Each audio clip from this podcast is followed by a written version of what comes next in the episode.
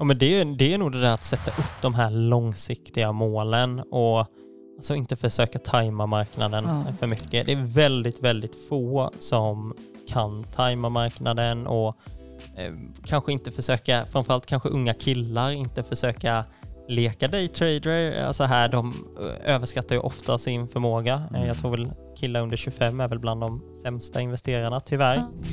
Så stort välkommen till The Compounding Lounge. I, idag kommer vi prata om ett område som vi tycker är både fantastiskt viktigt och jag tycker också det är fantastiskt intressant och jag tror att ni båda kan hålla med på den punkten. Hur man kan bli framgångsrik som ung investerare. Vi kommer prata lite börspsykologi, lite strategier och tips och tankesätt som man kan ha på börsen som just ung investerare. Och detta kommer vi att prata med med ingen mindre än Henrik Johansson som är vd för Unga Aktiesparare. Stort, stort välkommen till dig Henrik. Verkligen jättekul att ha dig här. Ja, men väldigt kul att få vara här, så ja, tack. Och jag själv ska jag säga, jag heter Marja, jag sitter i styrelsen för Stockholm, är också trader. Och så har vi också vd, äh, Levi heter det, som är vd, så skulle jag säga. VD-Levi. Ja, VD Levi, det- det- Det, det låter bra faktiskt, jag kan leva med det. Det är det nya Instagram-namn. Men jag tänker att innan vi drar igång med dagens ämne, eh, vill du berätta lite om, om dig bara Henrik? Vem är du och ja, din roll på Unga Aktiesparare? Ja, ja, men Henrik Johansson är 27 år gammal, bor i Stockholm, men är uppvuxen i en liten, liten, liten by eh, utanför Växjö i Småland. Ni har troligen inte hört talas om den. Eh, Du får testa oss. Vi testar oss Attsjö, om ni har hört talas Nej. om det. Nej, där. Nej det, jag, jag tror jag en gång varit med om när jag sagt det till någon helt främmande som bara, jag har åkt förbi där faktiskt. Känner Men, du eh, Bengt? ja, men det, är, det är ofta lite den att alltså, alla känner alla och så. Så att få en liten, liten by där, eh, stort ekonomiintresse, har varit engagerad i organisationen Unga Aktiesparare i ganska många år och nu senaste tre åren fått, eh, fått vara vd, vilket är absolut världens roligaste jobb. Bara få inspirera unga till att komma igång med sparande eller bli bättre investeringar. Så att, eh, ja. Många säger att de har världens roligaste jobb, men jag, Men du har men det. Men jag har det. det. För vissa är det bara sånt man säger, men... eh, Här är det eh, sant. Har ni världens roligaste jobb? Ja, absolut, självklart. Absolut, jag älskar Ja. mitt jobb så vi kanske alla tre har lyckats eh, ta den delad första plats. Ja, det verkar så. Vi får alla kalla oss vd dessutom. Det är, du är vd på ditt Men bolag. precis, vd för mig själv om inte annat. Mm. Så ja, men ska vi börja liksom med dagens ämne helt enkelt. Liksom som, som ung, idag finns det ju inte jättemycket kanske utbildning på, i skolan, som vi har sagt lite tidigare. Att, eh, där, kom, där gör ju ni en fantastisk, fantastisk insats där med olika initiativ och de här gymnasieprojektet som vi har tagit upp tidigare. Men hur, eh, liksom, någon som inte är superinsatt, hur ska man liksom ta, ta, an, ta sig an sin privatekonomi med budget och allt vad det handlar om? Alltså, jag tror att första grejen handlar om att förstå att alla verkligen kan påverka sin privatekonomi. Det är många som känner att okej, men jag kanske kan påverka min lön och så kan man inte göra mycket mer. Men Mm.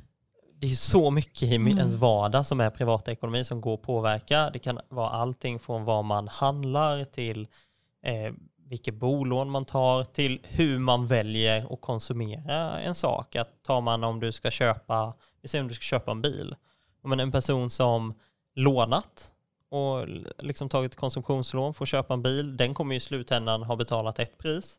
En person som sparat på ett sparkonto till den- till den här, ja det är såklart, det är bättre, den kommer ha betalat ett lägre pris. Mm. Och så har vi en person som kanske sparat i 6-7 år på börsen och investerat sina pengar för att nå den här. Den kommer ha betalat ännu lägre antagligen för att köpa samma bil. Så att samma produkt kan ju ofta ha en hel variant av priser, men de har ju troligen gett den här personen samma lycka. Och det, Just. det tycker jag är väldigt intressant att få unga att börja tänka så, att, ja, men, att få ut så mycket som möjligt av sina pengar. Eh, och det handlar ju inte om att man blir superlycklig bara för att man är rik eller för att man konsumerar mest, men du kommer troligen ha lite mer kontroll och eh, liksom, du blir inte olycklig i samma utsträckning. Eh, jag känner själv i alla fall att jag aldrig blivit lycklig för att jag har mycket pengar, men jag har nog undvikit att bli olycklig under jobbiga tider. Hur, är det likadant för er? Har du väldigt mycket pengar? Det, det sa du nästan indirekt här. Jaha, nej. nej. Eh, Ja, men allt är ju relativt. Jag har mycket pengar nu jämfört med vad jag hade när jag var några år yngre. Ja visst, ja, Så, Precis. Pengarna har fått jobba lite Ja. för dig också. Det, det låter som om Ja. du verkligen har förstått det tidigt. 27-åriga Henrik är ju väldigt mycket rikare än 17-åriga Ja Henrik. men Ja. exakt, Eh, exakt. Det är väl den man får tävla mot. eh, Precis, så. det är klokt också. Men jag, jag, jag gillar verkligen, du sa någonting, jag måste bara ta upp det som, som ett perspektiv som jag inte har satt på det här tidigare och det är det här med kontroll. Alltså många människor gillar ju att ta kontroll över sitt liv men när det kommer till ekonomi så kan man känna att det är tråkigt eller det är omöjligt eller jag måste vara rik eller någon annan måste ge mig en lön och det har inte jag kontroll över. Mm. Men som du sa, om man tittar på resten som inte har med lön och, jag, och så, så handlar det mer om att ta kontroll över en del av sitt Mm. liv. Liksom. Eh, Jag gillar det perspektivet verkligen. Nej, Själv är jag ju en extremt tankspridd människa som är väldigt spontan och inte kanske den som planerar mest. Då får ju jag överkompensera att ha superkoll på min ekonomi, att ha ett Excel-ark där jag Just. liksom strukturerar upp allting och så. men Eh, vad så- bra att du liksom har insett det faktiskt. Eh, Jag gör det till din fördel lite grann. Ja men verkligen. Alltså, jag tror eh, speciellt de som jag som är lite väl spontana och kanske inte planerar mest, de, de får ju försöka överkompensera lite för att eh, få få det att gå runt eller vad man ska säga. Ja men det är väldigt bra input. Man kan säga eh, liksom att det behöver inte betyda att man är superintresserad av matte eller finans på grund av att man tar hand om sin ekonomi utan det, det, är, eh, det är ett intresse att ta hand om sig själv. Lite grann. Ja, och för många unga personer där också som kanske gör det lite svårt för dem att ha lite kontroll på sin ekonomi, det är ju att de tänker att pengarna, det vill man spendera nu. Ja, jag vill inte spendera pengarna när jag är 20-30 år äldre. De tror att Mm. de tänker att det är verkligen idag man ska spendera pengarna för det ska vara roligt. Men det stämmer ju inte. Det en, en 40-åring tycker det är lika kul att spendera pengar som Just. en 20-åring antagligen. Eller de kanske är lite mer prioriterar typ så här, tid med sina barn eller någonting sånt. Men det är ju ingen ålder som man bara helt slutar tycka det är kul att spendera sina pengar utan det är ju nästan oavsett ålder som Mm. man tycker det är ganska kul. Det är, väl, det är väl när man är riktigt, riktigt gammal. Då prioriterar man om man hade haft tid eller så Mm. eller var frisk eller hälsa mycket mer. Men man tror ju på något sätt när man är 18 till 25 att så här, ja, det är idag jag måste spendera pengarna. Det är, jag vill inte åka på den här resan när jag är 40, det kommer inte vara kul. Men det tycker man är kul då också. Visst. Absolut. Ja. Och det, det känns som många kanske glömmer bort i viss- i vissa ålderperioder att eh, det är, till, och med- det är till en själv man investerar, inte till någon annan. Det känns som att investera, nej, men då är det kasta pengar i sjön, men det är ju lite, lite tvärtom. Liksom. Du får ju mer förhoppningsvis av, det du, av dina pengar liksom, längre fram. Visst. Och det, det var eh, någon som sa det här så himla bra för att eh, han sa det så här att jo, men dina pengar du får från din lön den kommer gå till så många personer. Du kommer betala frisören, du kommer betala matbutiken, du kommer betala den som har din lägenhet kanske om du har en hyresrätt eller så. Men du måste ju börja med att betala en summa till dig själv. Att det, du ska ju prioritera dig själv kanske före alla andra. Så att så här, betala en summa till dig själv allra först. Det är väldigt det. viktigt. Det är jättebra tips, det har vi också sagt tidigare. Vad, vad brukar man säga, typ 10%? Att bara föra över dem innan alla räkningar och all konsumtion dras av, utan bara prioritera dig och Mm. sen får resten komma. Det man tror jag- sparande, ja. Ex- exakt, visst. exakt. Eh, verkligen. Jag eh, reagerar också på något du sa där, det här med att ju äldre, när man är 40 då kanske man bryr sig mer om tid med sina barn och jag är ju bara 34 nästan och bryr mig också om tid med mina barn. Men tid är ju pengar Ja, och det kanske som ung är svårt när man har gått i skolan, man har ett, en struktur där man liksom år för år hela tiden utvecklas och, och följer någon form av schema upplagt av någon annan till att komma ut i, i verkliga livet eller ta hand om sig själv och ta sina egna beslut.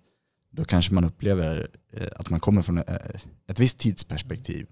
Och ju äldre man blir ju snabbare går ju tiden säger de. Och det känns lite så upplever jag. Så att det här med att, att man sätter undan pengar när man är ung kan ju vara det som leder till att man får mer tid med sina barn Mm. när man blir äldre. Så det är att prioritera pengar är ju att prioritera tid Mm. lite grann. precis. Även när man är ung såklart. Och ah, kör. Jag bara tänkte, hur, hur gör du själv? Lägger du också någon så här, ett x procent varje, varje månad? Ja, men jag har en målbudget jag hela Mm. tiden jobbar mot. Som, och jag tycker att men så här, man ska alltid ha mål som ska vara riktigt svåra att nå. Så att når jag min målbudget en månad, då är jag ju supernöjd. Så den utgår från att jag ska spara 43% av eh, Oj. lönen. Så det är ju en väldigt hög. Mm. Wow. Men sanningen är att på 12 månader så kanske jag klarar det en månad eller någonting sånt. Eh, så att det allra mesta, så nej, då når jag ju inte de här. Utan det val, vanliga för mig kanske blir 30% av eh, inkomsten. Väldigt så det är ändå, bra. väldigt, det är ändå väldigt, väldigt högt. Ja. Men det är ju många timmars förhandlande med allting från elbolag till Mm. bredband. Så, sådana saker gillar jag verkligen att förhandla ner. Jag, jag går jättegärna ut och äter med vänner. Eh, jag har ju flera, vad säger man, guilty pleasures. Alltså jag lägger alldeles för mycket pengar på glass. Det är nog min, eh, min, min stora last i ekonomin. Men det, för mig är det verkligen eh, den Mm. lilla lyckan som går att köpas för pengar. Utan för mig handlar det mycket om att förhandla ner de här fasta kostnaderna som man har, som elpriser och jag har gasugn så då har man gaspris så kan man förhandla ner det och jag byter bredbandsleverantör en gång om året för att få det billigaste just det här året. Eh, Så det är lite jobb men det tycker jag verkligen är värt det. Men du, det känns som du verkligen gillar att sträva mot någonting. Vill, vill klara den här 43 procent och få ner alla kostnader och sträva mot det här målet. Ja, det är kanske kan- det många drivs Ja. av. Man kan ju få en kick av det Ja. också. Visst. Eh, Det är väldigt få saker, så här dyra saker som ger en mer än en tillfällig lycka egentligen. Det, det skulle väl vara en hundvalp kanske. Det, Ja. det, Precis säga det, för du, du har en egen portfölj där du sparar till. Ja, ja, men jag har en portfölj där jag sparar till hund, ja, så att mitt mål är att hunden ska bli ekonomiskt oberoende. Eh, och så, som vi det. pratade om precis innan. Ja, det är fantastiskt. Och det, tankesättet gillar jag verkligen, att de ska bli ekonomiskt oberoende. Det betyder att du har en portfölj som ska täcka vissa kostnader då under en viss period.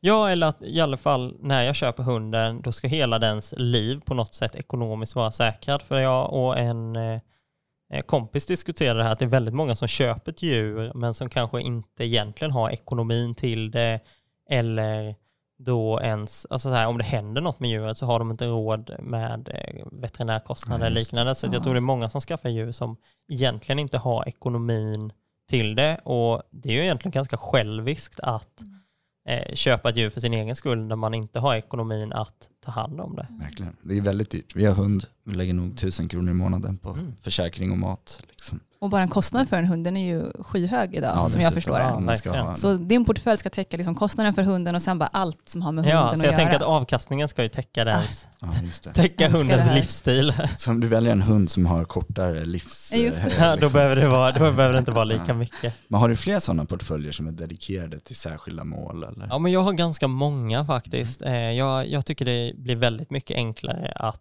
eh, spara om man har många olika slags mål. Mm. Jag har ett barnsparande. Mm. Eh, Jag har inga barn och jag har inga, jag har inga planer på att skaffa barn heller på några år. Men det är så många jag har hört att de säger, ja men när man sparar till barn då ska det vara aktier bara för att det är ofta typ 20 år, 20 till 25 år. Och så visar många exempel på, kolla vilken ränta på ränta-effekt det blir om man sparar bara så här lite i 20-25 år. Visst. Men då tänkte jag så här, vad händer om jag tjuvstartar fem år innan Wow. barnet är född? Då, blir, då borde det verkligen inte behöva vara mycket. Så att jag lägger bara någon hundring för det här kommande barnet då, eh, eller barnen. Eller, jag, jag kan säga, jag har, ju, jag har ju tänkt mer på barnsparandet än på jag höll på att säga barngörandet, men på, barn, på, på blivande barnen då. Så att, eh, så ja, men jag jobbar med många sådana sparande. Det, det kan vara allting från resor jag ska göra om åtta år kanske. Så jag gillar det här att ha Ja. många långsiktiga sparande och bara behöva stoppa undan en liten, liten summa. För att något av det svåraste med ett sparande, det kan ju vara att hålla i det under en väldigt lång tid. Verkligen. Många har ett, kanske bara ett generell aktieportfölj där man inte har något så tydligt syfte och går börsen riktigt dåligt då, då kan det bli mentalt ganska jobbigt och då tänker man, ja men jag kanske ville köpa det där nästa år, men jag vet ju liksom om alla mina sparande att det är så långt fram i tiden och därför blir det mycket lättare för mig mentalt att då eh, ja, men låta dem vara och liksom vara långsiktig. Det är superimponerande. Alltså. Verkligen. Inga barn och ingen hund, men du sparar till Jag till älskar, båda. älskar. Har du då liksom konkreta aktieportföljer till varje mål eller är det mer? Ja, det är varje, varje enskilt sparande har en egen portfölj med en egen strategi. Så att Okej. eh, Wow. det kanske blir ett barn som får ett jättedåligt eh, sparande och en hund som blir tokrik. Det är ju tråkigt om hunden blir rikare än barnet. Får man flytta lite? Ja, kanske lite så här från alla, från ena till andra. Men då kör jag väldigt många olika strategier i de här. Många strategier som inte ens är mina egna utan det kan vara allting från fonder eller att jag följer någon annan färdig strategi då. Eh, Medan mitt mer generella sparande som inte har lika tydligt syfte, det är där jag mer förvaltar själv tänker jag. Mm, Ja, så du okej. väljer aktierna själv i ditt huvud? Ja, så sparande. där har jag två, tre portföljer som är mina grundsparande som inte har samma tydlighet. Då, finns det, då har jag en USA-portfölj, Ah. en Sverige-portfölj eh, och en Smålandsportfölj. Okej, Okej, wow. just. Lokalpatriot. Ja. Ja, ja, så att, eh, ja, ni kan ju gissa själva vilken som har gått bäst. Är det Ja. Smålandsportföljen? Det är små, ja, på Wow. lång sikt är det verkligen Smålandsportföljen. I år. I år har ju Smålandsportföljen tagit mest stryk, Mm. men eh, på sikt har ju den varit har den utklassat de andra Och faktiskt. hade du kunnat haft Ikea i den så hade du slagit till direkt. Ja, det, det, det är ju klenoden som saknas får jag väl visst. säga. Hur aktiv är du i dina portföljer?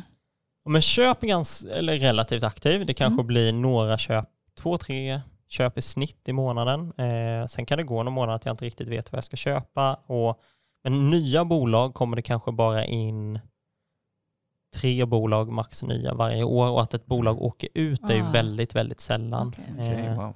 För det är en lång process in Mm. och en lång process ut. Visst. Så du växer lite i, Ja, så i att, antal? Men, ja, så att portföljerna tillsammans är väl uppe i en 50-60 Mm. bolag. Någonting sånt, Mm. va? Kan du hålla koll på dem eller är det mest de, de ligger där? Ja, Liksom? men den här är ju frågan många säger att, eh, för det många böcker hävdar ju att så här, men man kan bara ha 8 till 10 bolag, eh, du kan inte hålla koll på fler och det är också en av våra gyllene regler då att hålla sig informerad. Men i mitt huvud har jag insett att så här, jag har lika dålig koll på 10 bolag som jag har på 60 bolag och då kanske någon tänker att ja men varför, varför köper du inte en fond istället säger vi. Men jag tänker så här, okej, men om jag en gång i kvartalet, säger vi, lägger ner mycket tid på att analysera ett bolag och då gör jag en analys som jag tänker, okej, hur kan det här gå på tio år? Mm. Och så köper jag den och så gör jag ett bett på tio år egentligen. Mm. att så här, jag bettar på att det här kommer gå liksom bra på tio år och då är det många som tänker att ja, men vill du inte kunna gå ur om det blir övervärderat eller gå in mer så här, men jag har insett att jag är mycket bättre investerare i bolagen eh, jag inte äger än, än bolag, för jag får ju liksom en relation till bolagen Ja. jag äger. Mm. Jag har insett att när jag ska vara aktiv i bolagen jag redan äger, att kanske bestämma att ja, det här ska bli ett jättestort innehav nu eller ett jättelitet, då är jag en sämre investerare. Eh, så om jag har rätt eh, 52 procent av fallen när jag analyserar ett nytt bolag och så kanske jag har rätt bara 48 procent av fallen eh, när jag äger bolaget, då, då är ju oddsen snarare att jag sabbar för mig själv Mm. om jag då ska avbryta mitt tioårsbett på de här bolagen. Just. Just det, så Ja, du håller... Så att, och då blir det ett bolag i kvartalet. Ja, men på tre år så har jag ju plockat 12 bolag att hålla. Eh, och under en tioårsperiod så blir det ju eh, 40 bolag totalt ändå som har fått komma in. Så Just. Att, eh, Så det här, den här nedgången som just har, har skett, Mm. då, då kanske du kan parera de känslorna bättre, eller hur tänker du då? ja, alltså den här nedgången har faktiskt inte alls påverkat mig särskilt mycket mentalt. Visst har man reagerat när man typ är och handlar mat och att vissa saker har Mm. blivit dyrare. Glass. Ja, Eh, ja, men glasspriserna har ändå, de har, de har inte skenat. Det finns saker som har gått värre har jag ju märkt, typ Mm. grönsaker och sånt. Men eh, glasspriserna har också, eh, också märkts. På mina favoritglassställen har jag märkt. Så jag köper ofta ganska mycket. Jag är en sån som går till en glassbar och köper med mig en liter hem. Ah. Eh, där har jag också märkt att det, är- det, var- det var många, det var mer än de där 6 procenten man pratar om Just. eh, på inflationen. Ja, Just. så att, eh, Vad skulle du säga för tips till de unga som lyssnar just med de här, den här börsoron oron som Mm. faktiskt än- ändå har kommit till oss? Ja, men det, är, det är nog det där att sätta upp de här långsiktiga målen och alltså inte försöka tajma marknaden Ja. för mycket. Det är väldigt, väldigt få som kan tajma marknaden och eh, kanske inte försöka, framförallt kanske unga killar, inte försöka leka daytrader. Alltså här, de överskattar ju ofta sin förmåga. Mm. Jag tror väl killar under 25 är väl bland de sämsta investerarna tyvärr. Ja. För att de, Okej. precis som med bilkörningen, de, de tar för mycket risk och överskattar sin förmåga. Mm. Och snarare se att, ja, men, att man när man tradar med bolag, ja, men det är lite mer likt ett yrke som du måste Mm. utbilda dig till. Eh, Det kan väl, du eh, håller väl på med trading på daglig exakt. basis? Och, Exakt, det tar, ju, det tar ju tid. Det är svårt att ha ett heltidsjobb och trada samtidigt. Det, det får man ju ändå säga Mm. faktiskt. Ja, och att verkligen ta det som ett liksom heltidsjobb. Och att, för det är många unga personer som tror att det här kan jag, jag kan trada och kommer lätt krossa marknaden vid sidan av skolan eller jobb. Alltså, men det är inte riktigt så, för de passade nog mycket bättre med ett långsiktigt sparande där du försöker köpa bra bolag och äga över en väldigt lång tid, tror jag. Ja. Om vi, om, får jag ta den avslutande Absolut, klämmen? För jag, vi har lite ont om tid, men jag skulle vilja fråga om man vill komma igång då och inte har gjort det och vill lära sig mer om unga aktiesparare. Vad har du för tips då? Ja, men det skulle egentligen vara att kanske gå på något litet event tycker jag. Mm. Jag är ganska social person av mig så att jag vill ju gärna gå och snacka lite med folk och så att det finns ju på nästan alla ställen i landet kan man gå på typ en aktiefika eller gå någon liten grundläggande utbildning. Tycker man att det känns läskigt att inte kunna någonting alls, ja men kanske gå någon digital utbildning hos oss eller kolla lite på YouTube eller lyssna på lite poddar eh, är ju också en väldigt bra idé för att liksom känna sig lite och alltså de flesta kan lika lite som du kan i början och att alla är nybörjare och även om man inte har så mycket pengar så när man är i åldern 15 till 25 då kanske det viktiga inte är att göra de bästa investeringarna. Då är det viktiga att få upp intresset så att när du har en bättre inkomst då att du börjar göra kloka beslut då. Visst. Tycker jag. Mycket bra sagt. Ja, jag älskar, ja. älskar det här, bara komma igång. Det är inte så farligt att göra fel. Det är väl mm. nog viktigt att, att ha med sig som, som ung. Det finns väl ingen duktig investerare som inte har gjort tok många Nej, misstag. Eh, så. Mm, bättre att göra med början. Ja, verkligen när det inte är så mycket pengar. Exakt. Men tusen tack Henrik, fantastiskt verkligen att ha dig här. Det här, var, det här var så, så intressant. Ja, jag känner att vi får ta hit dig några fler gånger, ja. för det finns mycket mer att, att Jättegärna. Eh, hitta under ytan tror jag. Verkligen, det här gör vi om. Så tusen tack. Ja, tusen tack, ja, tack. och till dig Levi också och till dig som har lyssnat på det här avsnittet.